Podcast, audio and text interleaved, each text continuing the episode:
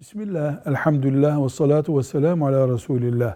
Bir kadın iddet beklerken evlenemez sözü ne anlama geliyor diyorlar. İddet ne demektir? Onu bilmemiz lazım. İddet bir erkekle kadın arasındaki nikah bittikten sonraki süreçtir. Bu boşamayla olabilir, ölümle olabilir.